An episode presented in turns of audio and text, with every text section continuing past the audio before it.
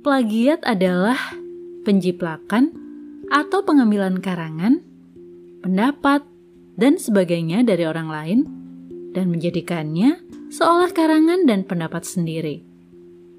Plagiat atau meniru dilakukan oleh orang yang gak punya ide atau bahkan ingin cepat sukses karena meniru dari orang yang sukses sebelumnya. Sebagai newbie, orang yang gak tahu sama sekali, kita memang perlu belajar dari yang tahu sebelumnya. Namun ada waktunya kita berdiri di kaki sendiri dan mengembangkan hal yang kita pelajari dari orang lain dan sumber yang lainnya. Gak selamanya kita ngejiplak yang sudah ada.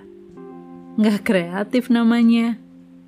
Peniru akan selamanya di belakang yang ditiru.